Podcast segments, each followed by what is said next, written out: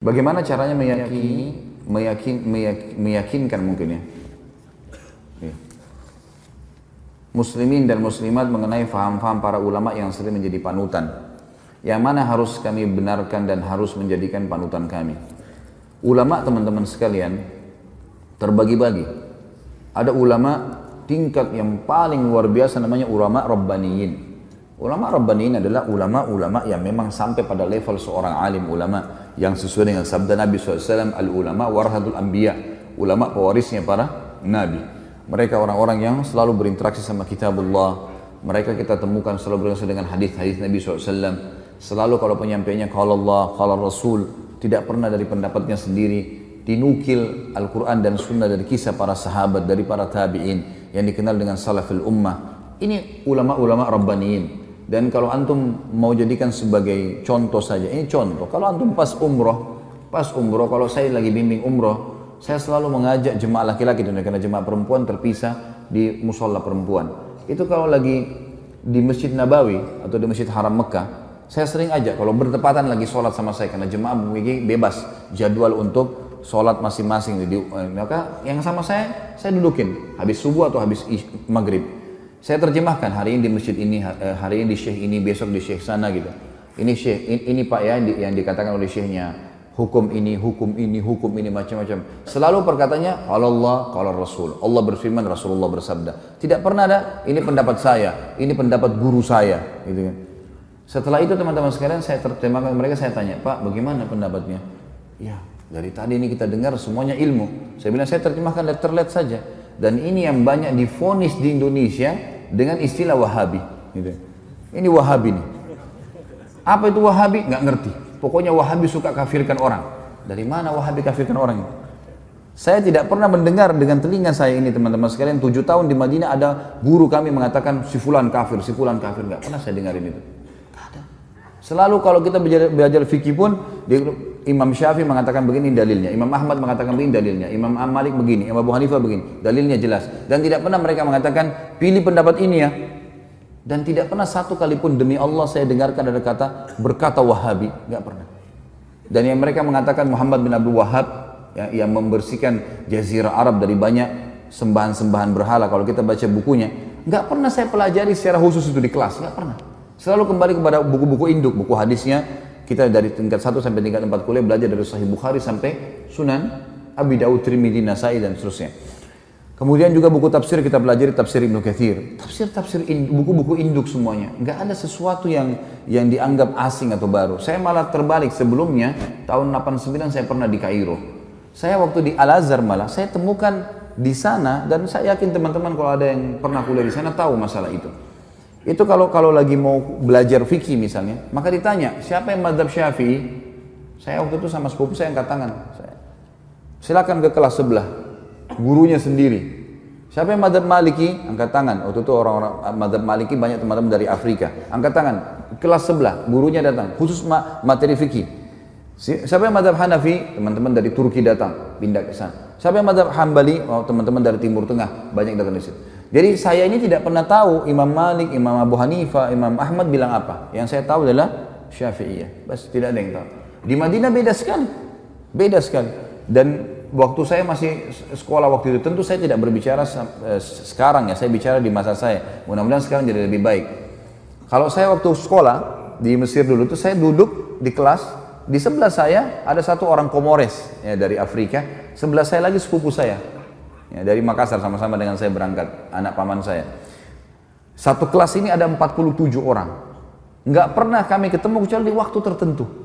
Nah, di waktu tertentu, kadang-kadang cuma ada beberapa anak Turki datang atau beberapa anak Afrika lain datang. Tapi kita, saya nggak pernah lihat kenal wajahnya. Begitu hari ujian, baru kita kenal wajahnya nih, penuh. Pada saat itu kampusnya penuh. Kemudian pada saat itu juga eh, apa namanya, semuanya pada hadir. Saya tanya, siapa kamu? Saya Fulan. Di kelas mana? Kelas ini. Loh, saya juga di kelas itu. Kok nggak pernah saya lihat? Dia bilang kami cuma datang waktu ujian saja. Jadi sepanjang tahun itu kerjanya ya cuma duduk-duduk saja di situ, gitu kan? Di pergi ke bioskop, pergi ke mana-mana, hiburan karena Kairo sama dengan eh, Jakarta. Tidak ada bedanya gitu kan? Kehidupan di sana ya kehidupan begitu, bebas kan. Jadi saya melihat eh, apa namanya beda sekali antara kondisi yang ada di Saudi dengan kondisi ada di negara-negara Islam yang lain. Dan kita perlu terima fakta teman-teman sekalian. Kalau di Mekah tempat lahirnya Nabi SAW, wahyu turun di sana. Gitu kan? 13 tahun fase dakwah di sana. 10 tahun penyempurnaan Al-Quran dan meninggalnya Nabi SAW dan Nabi masih punya rumah sekarang bisa dilihat ada masjidnya di Madinah. Kira-kira masuk akal nggak dua kota ini dijadikan sesat oleh Allah? Secara akal nggak mungkin. Dan sampai sekarang saya bilang tadi lebih baik secara rasional dipraktikin di lapangan, datangi halaka-halaka ulama itu dan dengerin, dengerin dengan hati yang tenang dengerin apa yang mereka sampaikan. Baru kemudian kita bisa menghakimi seseorang. Karena saya lihat ini di Indonesia banyak sekali isu sekarang selalu dengan Wahabi, Wahabi. Oh, momok yang menakutkan Wahabi. Saya sampai waktu mau pergi ke Madinah, saya ketakutan dengan istilah Wahabi ini. Karena ada beberapa teman-teman ayah saya mengatakan, hati-hati sana, ambil ilmunya tapi jangan jadi Wahabi. Ini ambil ilmunya tapi jangan jadi Wahabi, bagaimana ceritanya? Kan saya lagi belajar di sana. Jadi setiap guru masuk saya lihat, ini Wahabi. Apa yang dia mau sampaikan nih? Ini momok seperti apa? Sembeli lehernya orang. Ini kafir. Kayak sudah menakutkan. Saya waktu itu ketakutan sendiri. Setelah enam bulan saya belajar, saya lihat selalu guru datang. Kalau Allah, kalau Rasul. Allah berfirman, Rasulullah bersabda. Dinukil dari Ibnu Abbas, dari Ibnu Umar, dari ini, dari ini. Kisah semua yang berhubungan dengan para sahabat, para tabiin generasi emas.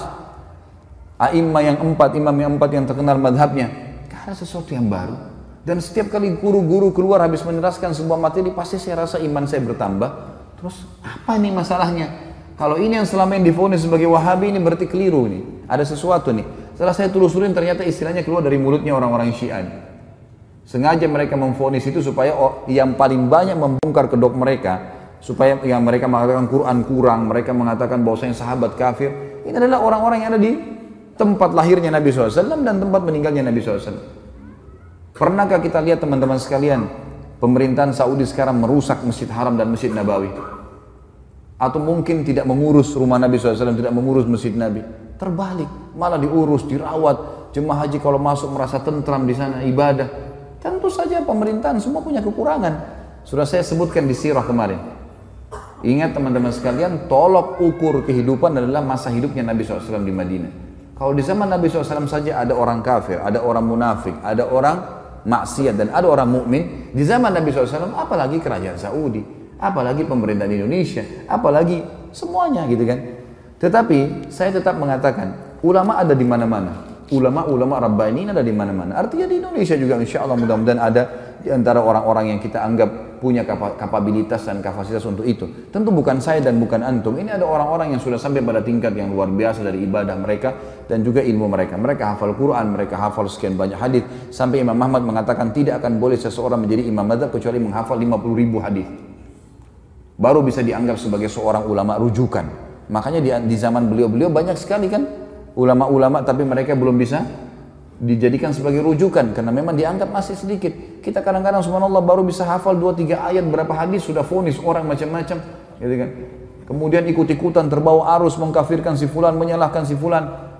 Kadang-kadang kalau diingatkan perbuatan jangan akhi ini Nabi SAW tidak pernah lakukan ini bid'ah. Wah ini wahabi ini berarti. Padahal kalau kita ikuti pengajian teman-teman yang yang difonis wahabi ini teman-teman, saya saya sering bahasa ini di Jakarta. Sebenarnya kami-kami ini yang sedang berdakwah, saya termasuk difonis gitu kan.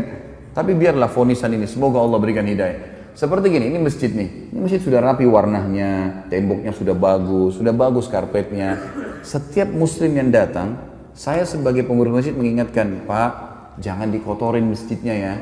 Jangan diubah catnya, gak usah diganggu AC-nya. Urusan sudah rapi nih, udah tinggal datang sholat. Seperti itulah.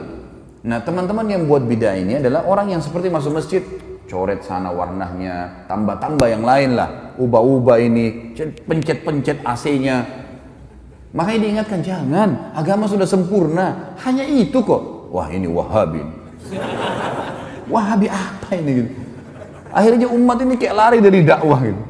Gak boleh teman-teman sekalian, akhirnya ini memecahkan umat yang luar biasa, terpecah ke mana-mana. Baik, kalau diingatkan, antum mau dengar, Alhamdulillah. Kalau antum merasa diri antum benar, fadl, jalani. Kalau teman-teman ini misalnya diingatkan jangan akhi ini karena tidak pernah Nabi SAW melakukan. Enggak tapi ini, fadl silahkan. Tapi ingat, di muka bumi ini kita seperti orang yang sedang belanja di supermarket. Setiap orang di antara kita boleh pilih produk yang dia mau, tapi lewat kasir. Hati-hati. Kami mengingatkan supaya jangan salah. Karena kalau ada dalil, pasti udah diterima sama Allah. Enggak ada dalil, bimbang, paling tidak ragu kan gitu. Dan masih tanda tanya diterima nggak ya? Nah kenapa harus jerumuskan diri pada hal itu? Orang yang masuk pada perbuatan teman-teman yang minimal syubhat, apa kata Nabi SAW? Halal jelas, haram jelas. Di antaranya ada hal yang samar-samar. Siapa yang menyelamatkan dirinya pada hal samar-samar? Boleh nggak ya? Dia telah siapa yang menyelamatkan dirinya dari hal samar-samar, dia telah menyelamatkan kehormatan dirinya dan agamanya. Dan siapa yang menjerumuskan dirinya pada hal yang syubhat, dia telah menjerumuskan dirinya pada yang haram. Seperti pengembala domba yang bawa domba-dombanya di ladang rumput yang rumputnya lebih tinggi dari dombanya sehingga dia tidak tahu domba mana yang dicuri oleh serigala. Berarti dalam Islam cuma ada halal, ada haram. Syubhat pun masuk di sini. Ragu pun nggak ada dalilnya atau mungkin lemah. Ya sudahlah, gitu loh. Ini nggak langsung difonis saja langsung ini. Sekali lagi teman-teman, kalau dianggap ini adalah perbuatan, ah nggak apa-apa lah, ya sudahlah. Jangan dijadikan perpecahan umat, gitu kan? Yang ini perlu diketahui. Ini ulama yang pertama Rabbani. Ada ulama yang memang ulama ini ini istilah di para ulama ulama waratha ulama waratha ini orang-orang yang terwariskan istilah ulama pada mereka gitu. tapi orang-orang ini tidak punya kapasitas untuk itu saya kasih contoh kayak kita di Indonesia kan maaf gelar ustadz ya ini mudah sekali kan siapa saja bisa bicara sedikit agama ustadz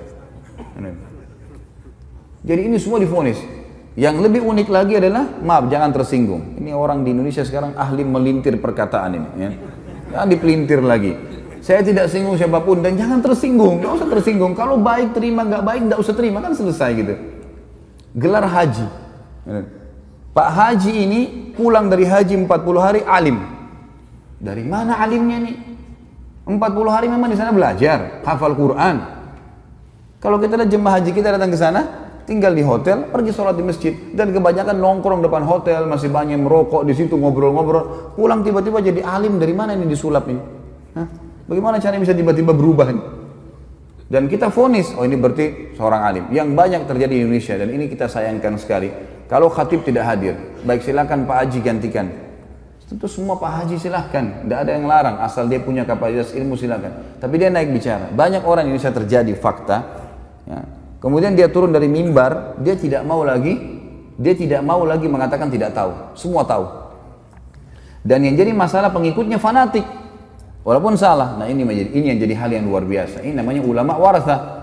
Ada orang kakeknya kiai, ayahnya kiai, anaknya jadi kiai otomatis. Gitu kan. Dari mana ini otomatis? Ilmu itu harus dipelajari, nggak bisa. Kan itu. Ada yang ketiga yang terakhir ulama su dan ini Nabi SAW sebutkan akan datang nanti satu zaman di mana umatku dipimpin oleh ulama su, ulama yang buruk. Kok ada ulama buruk apa maksudnya?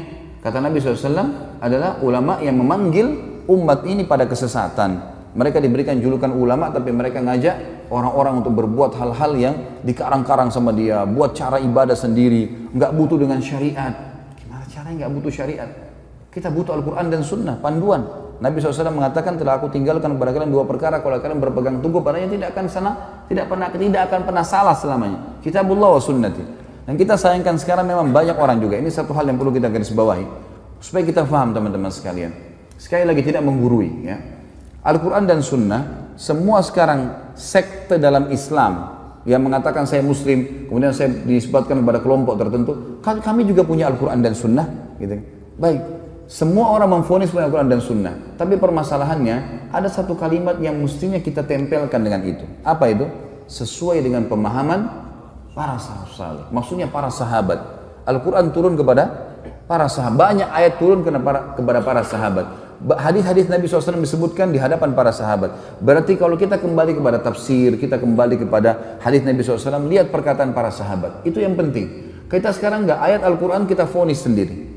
Banyak orang-orang yang akhirnya menyalahkan orang lain karena masalah ayat dibaca, oh ini maksudnya begini, sudah selesai, dihakimi sama dia. Atau ini hadis begini, kemudian langsung difonis sama dia. Padahal sebenarnya tidak kembali kepada pemahaman para sahabat. Ini yang Allah alam yang saya tahu akhirnya membuat umat ini banyak ke mana-mana pemahamannya. Dan banyak di antara mengata, mereka mengatakan, ah itu kan zaman sahabat. Sahabat juga bisa melakukan, kenapa kita tidak? Tentu saja sahabat melihat Nabi SAW. Apalagi hurafa Rashidin, gitu kan? Buktinya Utsman bin Affan boleh buat susun Al-Quran. Dan zaman Umar bin Khattab dijadikan terawih 20 rakaat. Siapa mereka? Khulafaur Rashidin. Kata Nabi SAW apa? Alaikum bisunnati wa sunnatu khulafaur Rashidin hadin min ba'di. Addu alaihi bin nawajid. Berpegang pada sunnahku dan sunnah khulafaur Rashidin. Antum masuk khulafaur Rashidin. Kan tidak kan? Nah, iya. Mau disamain perbuatan dia dengan Utsman bin Affan radhiyallahu anhu dari mana ini? Tidak bisa ketemu. Ada dalil menjelaskan masalah itu kan? berpegang teguh pada keduanya walaupun dengan gigi geraham kalian. Abu Bakar, Umar, Uthman, Ali yang disepakati oleh Rasulullah sunnah mereka yang kita ikutin, perbuatan-perbuatan mereka, contoh yang mereka lakukan, bukan kita teman-teman sekalian, gitu kan? Jadi kita harus jangan tarik, oh itu buktinya sahabat bisa buat, kita juga bisa buat, nggak bisa. Pada saat itu para sahabat ada masih hidup dan mereka sepakati untuk itu. Ini yang perlu kita ketahui. Allah